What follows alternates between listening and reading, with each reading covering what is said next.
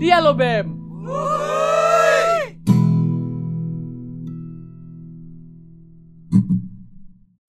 Pergi ke Jogja beli bapia, balik lagi nih di dalam Bem Via bareng aku Caca yang bakal ngobrol-ngobrol bersama narasumber kita hari ini. Nah, yang spesial di episode kali ini, Caca bakal ngebahas tentang Perhimpunan Pelajar Indonesia dan seputar beasiswa bersama narasumber kita, Pak Faruk Ibnu Haki dari PPI. Halo Pak Faruk, apa kabar? Halo Mbak Tafika, Alhamdulillah kabar sehat. Bagaimana kabar teman-teman semuanya? Alhamdulillah baik Pak. Ini kita semua lemas nih kayaknya gara-gara lagi pada puasa. Bapak juga puasa kan ya Pak? Puasa, puasa. Masa nggak puasa? Oh. Siang-siang gini pasti puasa. Atau puasa beduk nih? puasa beduk boleh juga Pak. Udah mulai-mulai ngantuk nih ya. Oke, jadi kita di sini ngobrol-ngobrol iya, ini santai aja ya, lagi Pak. azan dulu. Mm-mm. Oke, langsung aja. Mungkin sebelumnya boleh dijelasin sebenarnya PPI itu apa sih Pak? Iya, kalau tanya apa sih itu PPI? Eh, PPI itu kan singkatannya Perhimpunan Pelajar Indonesia, gitu kan. Nah, PPI itu ada di berbagai macam negara. So far sampai tahun ini itu ada 60 PPI. 60 negara uh, PPI yang ada di seluruh dunia. Ada dibagi di berbagai kawasan, kawasan Asia Oseania, kawasan Amerika Eropa, dan kawasan Timur Tengah dan Afrika. Apa itu PPI? PPI itu adalah salah satu organisasi yang menaungi pelajar di luar negeri gitu, yang resmi gitu. Nah, bagaimana sih PPI itu kok bisa ada? Karena memang kalau misalkan kita sebagai perantau di luar negeri tentu pengen ada juga kegiatan atau berorganisasi. Nah, itulah salah satu wadahnya itu adalah PPI itu. Gitu, Mbak Davika.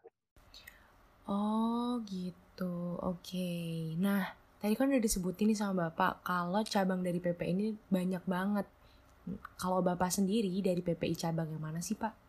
Kebetulan sekarang saya karena studinya ada di Australia, ngambil PhD di Urban and Regional Planning di Australia, jadi saya tergabungnya berafiliasi dengan PPI Australia gitu. Nah itu untuk cabang. Namun uh, setelah itu saya juga diberikan amanah sebagai wakil koordinator di PPI Dunia kawasan Asia Oseania gitu. Di, di PPI Dunia kawasan Asia Oseania itu memiliki anggota itu 14 anggota di 14 anggota PPI negara di kawasan Asia Oseania.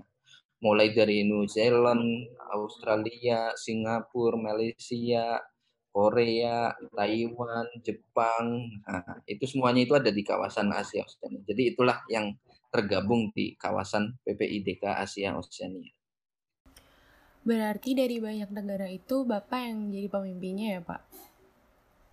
Iya, jadi kalau misalkan di PPI negara itu nama headnya itu adalah presiden atau ketua umum.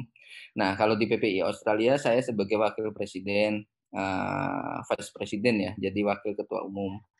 Nah, terus kalau yang di kawasan PPI Asia Oseania yang tergabung besar, ini kebetulan saya juga dipercaya menjadi wakil koordinator juga gitu. Jadi itu jabatan yang sekarang saya emban amanah di PPI uh, Asia Oseania dan PPI Australia. Nah, kalau misalkan kita masuk lagi struktur organisasinya di PPI dunia, saya sebagai Dewan Presidium gitu. Yang di Dewan Presidium itu bergabung bersama 60 PPI negara. Di Dewan Presidium itu ada 9 orang dan salah satunya itu adalah saya.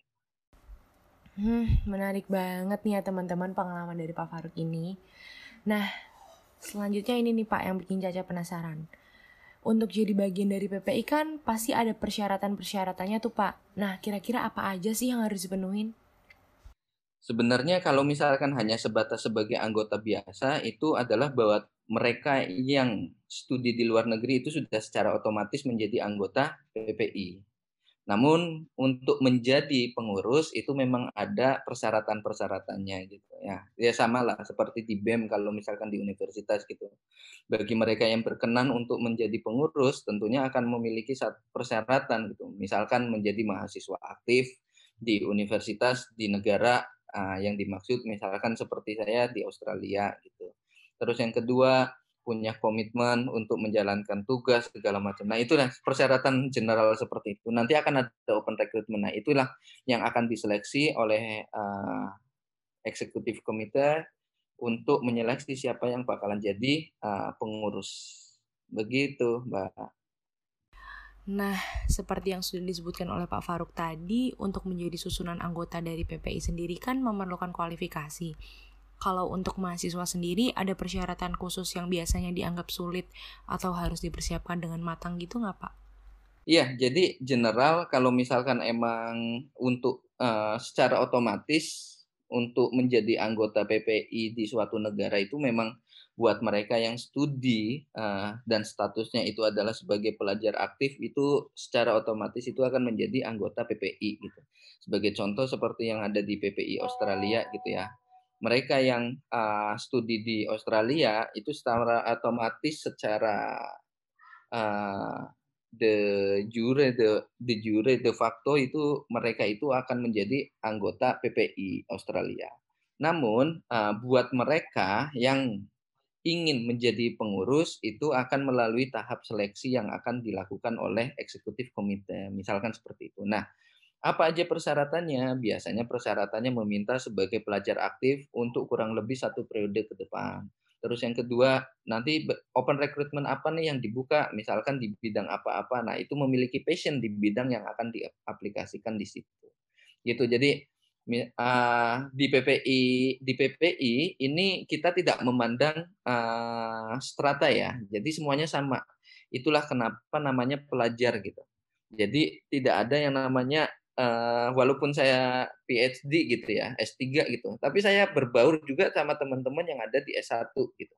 Jadi inilah yang sebenarnya uh, menjadi identitasnya PPI itu menjadi organisasi yang bisa uh, inklusif, bisa menerima semuanya gitu. Oh gitu ya Pak. Hmm, kalau misalnya nih Caca apply untuk kuliah ke luar negeri, seleksi khusus apa sih yang harus dipersiapkan? Misal tes IELTS atau apa gitu? Enggak. Oh, kalau ini untuk berangkat berangkat ke ya. studi di luar negeri? Iya, benar.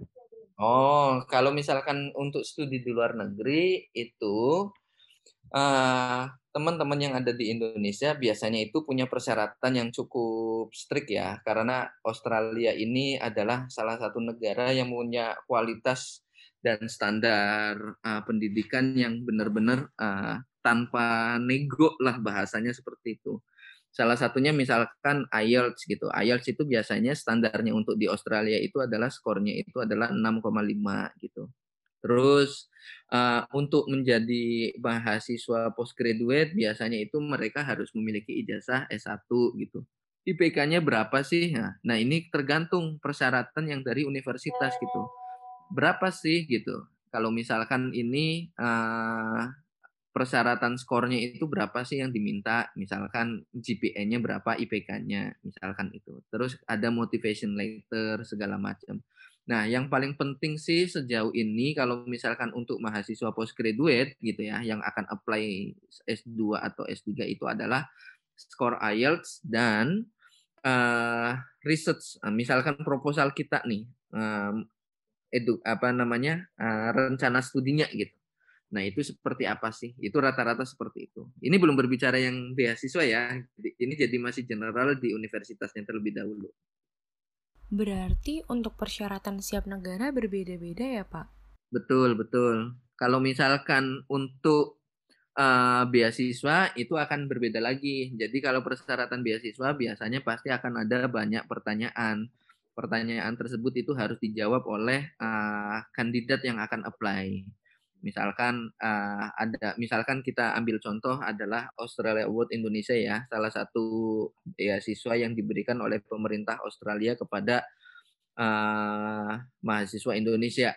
Di sini salah satu apa banyak sekali general requirement-nya yang harus dipenuhi gitu. Nah, teman-teman juga bisa cek juga di websitenya Australia Awards Indonesia.org gitu. Nah, di situ itu sudah termaktub tuh uh, candidate itu harus apa aja sih yang harus dipenuhi persyaratannya. mulai dari KTP, ijazah, transkrip yang sudah disertified atau dilegalisir di notaris. Lalu ada eh, dokumen-dokumen uh, wajib lainnya. Terus yang kedua, uh, karena ini Australia Award Indonesia itu adalah uh, beasiswa yang diberikan khusus untuk postgraduate, artinya kan harus punya ijazah S1 ya. Terus yang kedua, kalau misalkan alirannya itu adalah riset, dia itu harus memiliki uh, proposal research-nya seperti apa yang akan dilakukan ke depannya itu. Namun teman-teman tidak perlu khawatir karena semuanya itu yang terdaftar di Australia Award Indonesia itu sudah ada kok. Jadi apa aja sih persyaratan-persyaratannya mungkin bisa googling sekarang ya, bisa cek di websitenya langsung nanti bisa lah kita diskusi lebih dalam nanti seperti apanya. Kita bicara dalam konteksnya setiap negara pasti akan berbeda.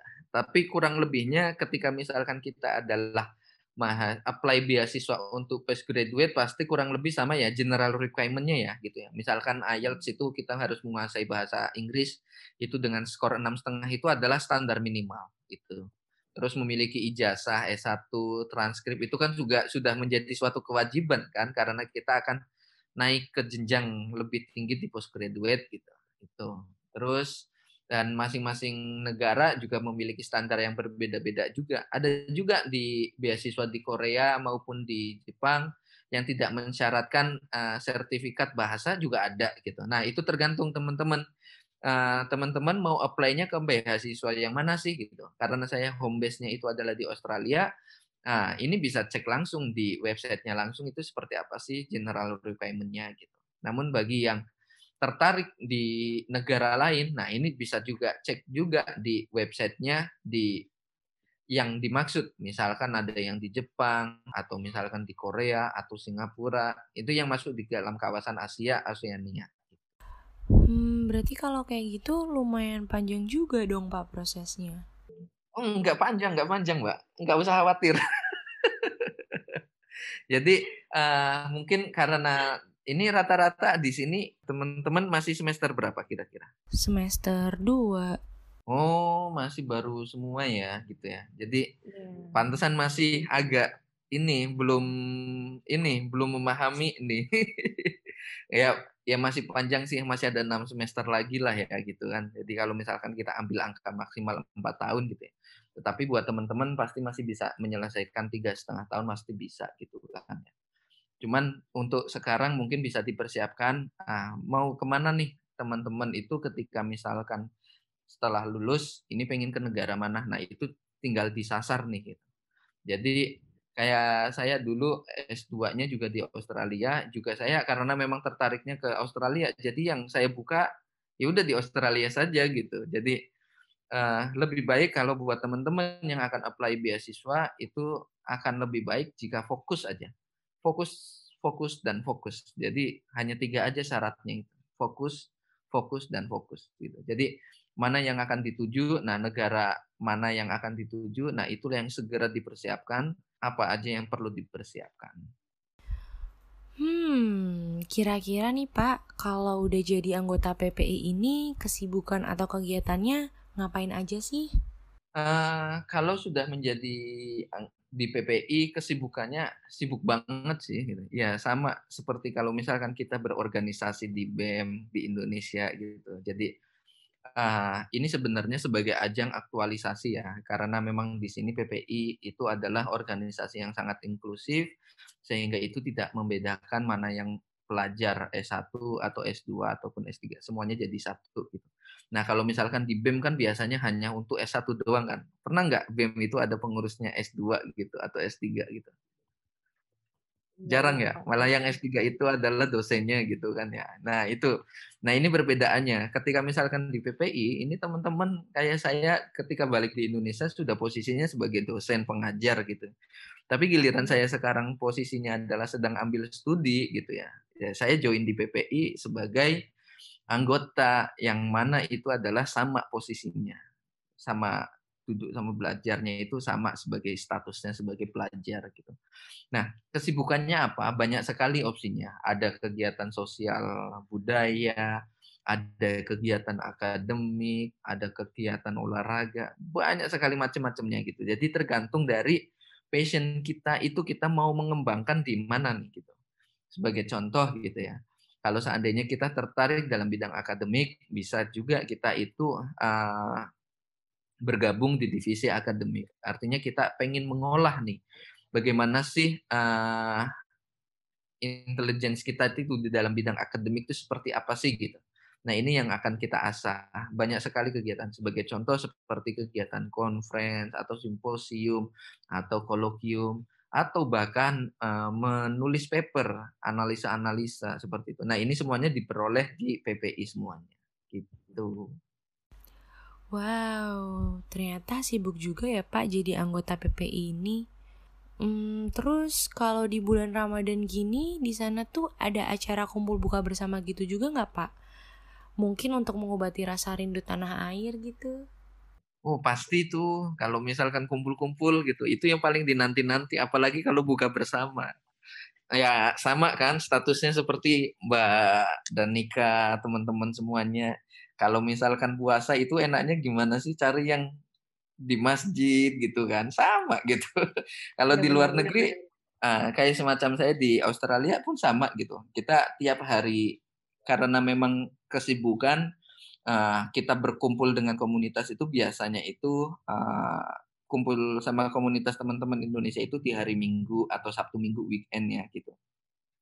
Kita hmm. kumpul, kita melakukan buka bersama. Tapi pada hari kerja, misalkan Senin sampai Jumat, biasanya saya tetap di office gitu. Nah, saya berbuka puasa dengan teman-teman dari negara lain uh, yang beragama Muslim gitu sama juga. Jadi Ya, itu sharing-sharingnya seperti itu. Jadi mereka juga kita mencicipi masakan dari Timur Tengah, Lebanon, Lebanis gitu ya, terus dari apa Uighur gitu sama gitu. Jadi artinya kita karena multicultural kita akan sharing juga gitu. Wah seru banget tuh. Berarti bisa juga untuk mengobati rasa homesick ya Pak? Oh, betul banget. Itu yang paling dinanti gitu. Jadi apalagi kalau misalkan di Indonesia, kita pengen makan rendang ya udah kumpul sama teman-teman Indonesia gitu. Oh, gitu.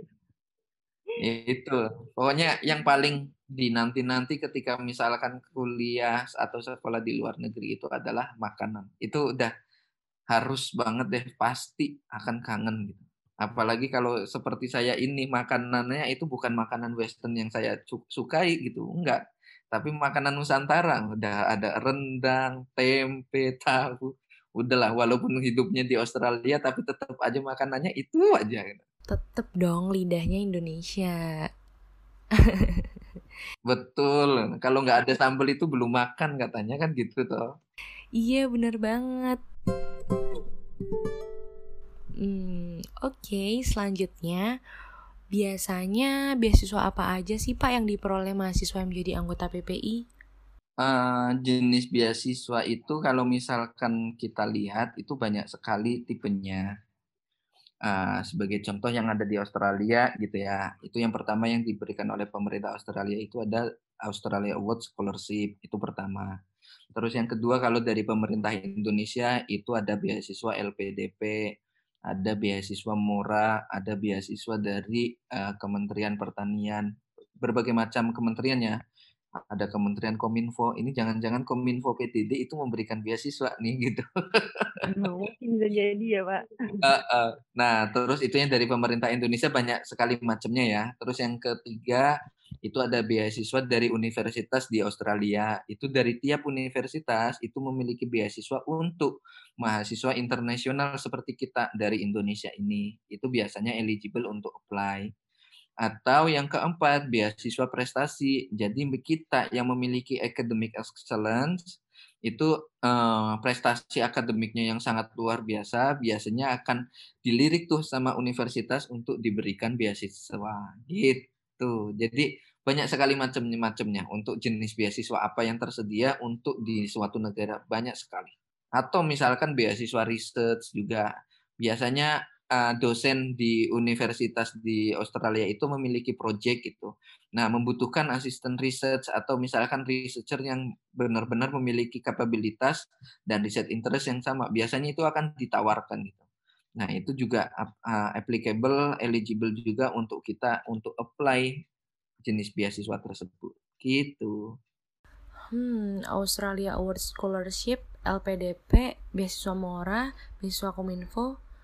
Nah, biasanya beasiswa itu dibuka di bulan-bulan apa aja nih, Pak? Uh, untuk beasiswa Australia Award Scholarship, ini sekarang masih buka sampai tanggal 30 April. 30 April, besok itu adalah uh, submission terakhir gitu. Mungkin teman-teman bisa bukalah kalau misalkan sekarang itu adalah masih semester 2 atau semester pertengahan gitu ya. Ini coba buka untuk dipelajari seperti apa sih skema-skemanya gitu. Yang diperoleh manfaat apa saja sih yang di, akan dinikmati oleh awardee itu apa aja gitu. Nah ini yang sebenarnya perlu menjadi uh, trigger penyemangat kita nih gitu. Ini kan luar biasa sekali ya. Semester awal sudah berbicara tentang beasiswa postgraduate. Artinya sudah mulai membuka open mind-nya itu dah dari awal sejak dini sudah kita buka. Nah, enak kalau misalkan saya ini baru di semester akhir udah mau lulus baru kepikiran kayaknya pengen kuliah di luar negeri deh gitu. Nah, itu dia jadi beda kan gitu. Nah, mungkin dari teman-teman sekarang saran saya sudah mulai buka-buka beasiswa di Australia misalkan itu seperti apa sih? Kita bisa cek di Australia Award Indonesia gitu. Buat teman-teman yang lagi denger ini, boleh banget nanti dicek Australia Award Scholarship. Bisa banget. Nah, dari beasiswa yang sudah disebutkan tadi, manfaat apa aja sih Pak yang bisa diperoleh? Wah, semuanya dapat semuanya. Mulai dari tuition fee, mulai dari living allowance, bahkan asuransi di fase dikasih semuanya. Jadi kita diberangkatkan ke Australia itu hanya fokus untuk studi, mengerjakan PR, mengerjakan assignment, dah itu aja. Nggak usah mikirin biaya, karena semua biayanya itu dibiayain semuanya oleh uh, scholarship-nya itu. Semuanya apa pun itu keperluan untuk mendukung studi itu pasti akan dibiayai.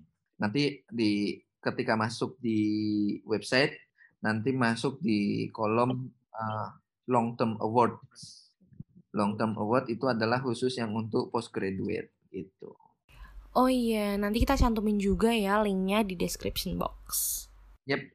Ini nih Pak yang buat Caca dan mungkin teman-teman lagi denger ini juga penasaran kalau dari Pak Faruk sendiri ada tips dan kunci sukses nggak sih supaya kita bisa dapat beasiswa untuk lanjut kuliah ke luar negeri? Tipsnya ada jangan pantang menyerah ya.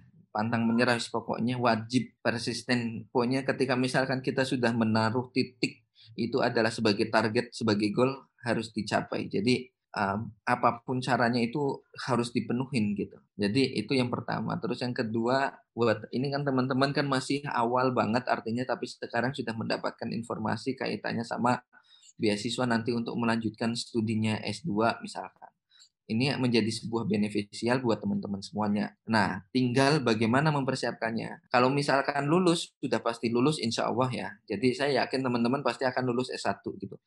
IPK-nya harapannya bisa di atas 3 gitu. Jadi karena salah uh, persyaratan yang diminta sama Australia Award juga tidak terlalu memberatkan juga karena apa? Uh, persyaratannya itu kan bisa kita lihat juga gitu kan uh, untuk GPA-nya itu adalah sekitar 2,9 gitu. Artinya masih tiga masih bisa masuk.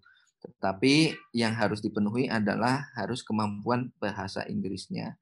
Kemampuan bahasa Inggrisnya harus dimaksimalkan nih minimal bisa lebih tinggi itu lebih bagus itu. Itu.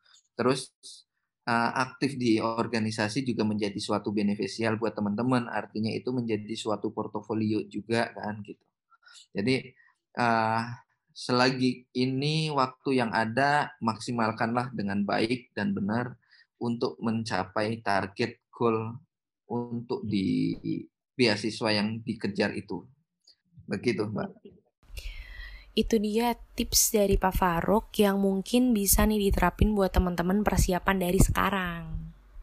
Berdasarkan pengalaman Bapak tadi yang udah diceritain, kira-kira apa sih yang jadi motivasi Bapak untuk mendapatkan beasiswa dan kuliah di luar negeri? Untuk motivasi, motivasinya pengen ini ya, menyelesaikan uh, pendidikan formal sampai S3. Nah, bagaimana sih caranya gitu ya untuk bisa kuliah sampai S3 tetap karena di luar negeri gitu. Otomatis kan kalau misalkan bicara biaya pasti akan mahal gitu. Artinya motivasinya seperti apa? Saya harus mendapatkan beasiswa. Itu yang pertama. Terus yang kedua itu juga menjadi suatu uh, pengalaman tersendiri buat anak-anak, keluarga gitu kan. Bagaimana sih ketika misalkan kita bawa anak keluarga itu ke luar negeri artinya juga bisa membuka dia sejak dini gitu. Jadi biar mereka juga paham gitu. Oh, ternyata di luar negeri ini seperti ini. Ketika orang tuanya itu sedang melakukan riset seperti ini gitu. Jadi membutuhkan pemahaman-pemahaman uh, sejak awal nih sejak dini uh, usia dini seperti saat ini gitu. Jadi artinya itu menjadi suatu yang uh, berbeda ya gitu. Nah, kalau dari Pak Faruk sendiri dulu proses adaptasinya tuh gimana tuh, Pak? Uh, sebagai contoh kalau misalkan yang salah satu yang fasilitas yang diberikan oleh Australia Award itu itu adalah beradaptasi dengan lingkungan akademik gitu ya. Akademik yang seperti apa? Kita itu harus digembleng sedemikian rupa di training gitu. Nah, salah satu yang fasilitas yang diberikan itu adalah pre-departure training gitu. Pre-departure training itu memberikan uh, di Bali sama di Jakarta pada saat itu ya. Jadi kita digembleng sekian bulan dengan tugas-tugas yang selalu tiap hari gitu. Dari mulai nulis paper, nulis artikel, sampai seperti itu. Jadi akhirnya terbiasa tuh gitu. Nah, setelah pada saat di Australia sehingga kita tidak kaget gitu. Jadi tugas-tugas yang diberikan oleh tutor sama dosen yang ada di Australia, kita udah terbiasa nih gitu. Nah, Berbeda kan kalau misalkan di Indonesia kita kuliah, teman-teman apakah sudah terbiasa nggak sih ngerjain tugasnya gitu? Dengan tugas yang setiap minggu itu ada, itu bagaimana sih manajemen waktunya gitu. Jadi bagaimana caranya kita itu yang paling kunci sukses untuk menyelesaikan studi di luar negeri adalah time management. Itu aja. Jadi time management sama persisten. Bagaimana kita itu bisa persisten terhadap uh, isu atau permasalahan yang ada di akademik itu apa sih? Tahan banting lah pokoknya. Tuh teman-teman, yang penting persiapannya, time management, dan persisten. Kalau untuk penerima beasiswa dan self-founded, itu apakah ada perbedaan Pak dari segi SKS, target IPK, target lulus, dan hal akademik lainnya? Untuk itu sama ya, karena memang uh, fasilitas yang diberikan oleh universitas sama, standarnya sama, hanya beda aja gitu. Misalkan Mbak Danika kuliah membayar dibayarin sama orang tua gitu. Terus saya dibayarin sama beasiswa. Fasilitas yang diberikan universitas sama nggak? Sama kan gitu. Hanya bedanya kita bayar sendiri sama dibayarin gitu aja. Itu uh, logika simpelnya seperti itu. Jadi tak semua fasilitasnya sama. Gitu. Oh, berarti ada hal yang harus kita lakuin dong Pak untuk mempertahankan beasiswa itu prestasi akademik itu ya salah satunya. Jadi biar bisa tetap terus dipertahankan itu ya kita harus bisa mempertahankan prestasi akademiknya, milestone-milestone di tiap semester itu apa saja, tiap tahun tuh bagaimana itu harus bisa tercapai. Berdasarkan pengalaman Bapak ini kan lumayan banyak nih ya plusnya yang saya lihat. Nah kalau untuk minusnya apa nih Pak kira-kira kuliah di luar negeri ini?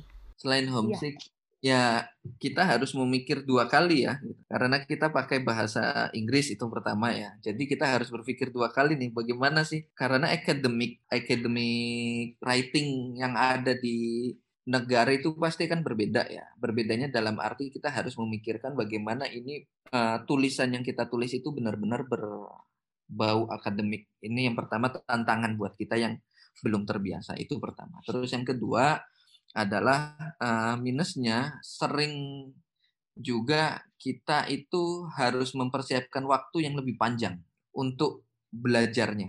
Karena apa? Ini menjadi salah satu target sih. Ini ini yang saya lakukan sih gitu. Jadi uh, ketika misalkan seharusnya belajarnya 5 6 jam, saya biasanya butuh waktu sekitar 7 jam gitu. Jadi extend sekitar 2 jam. Itu untuk apa?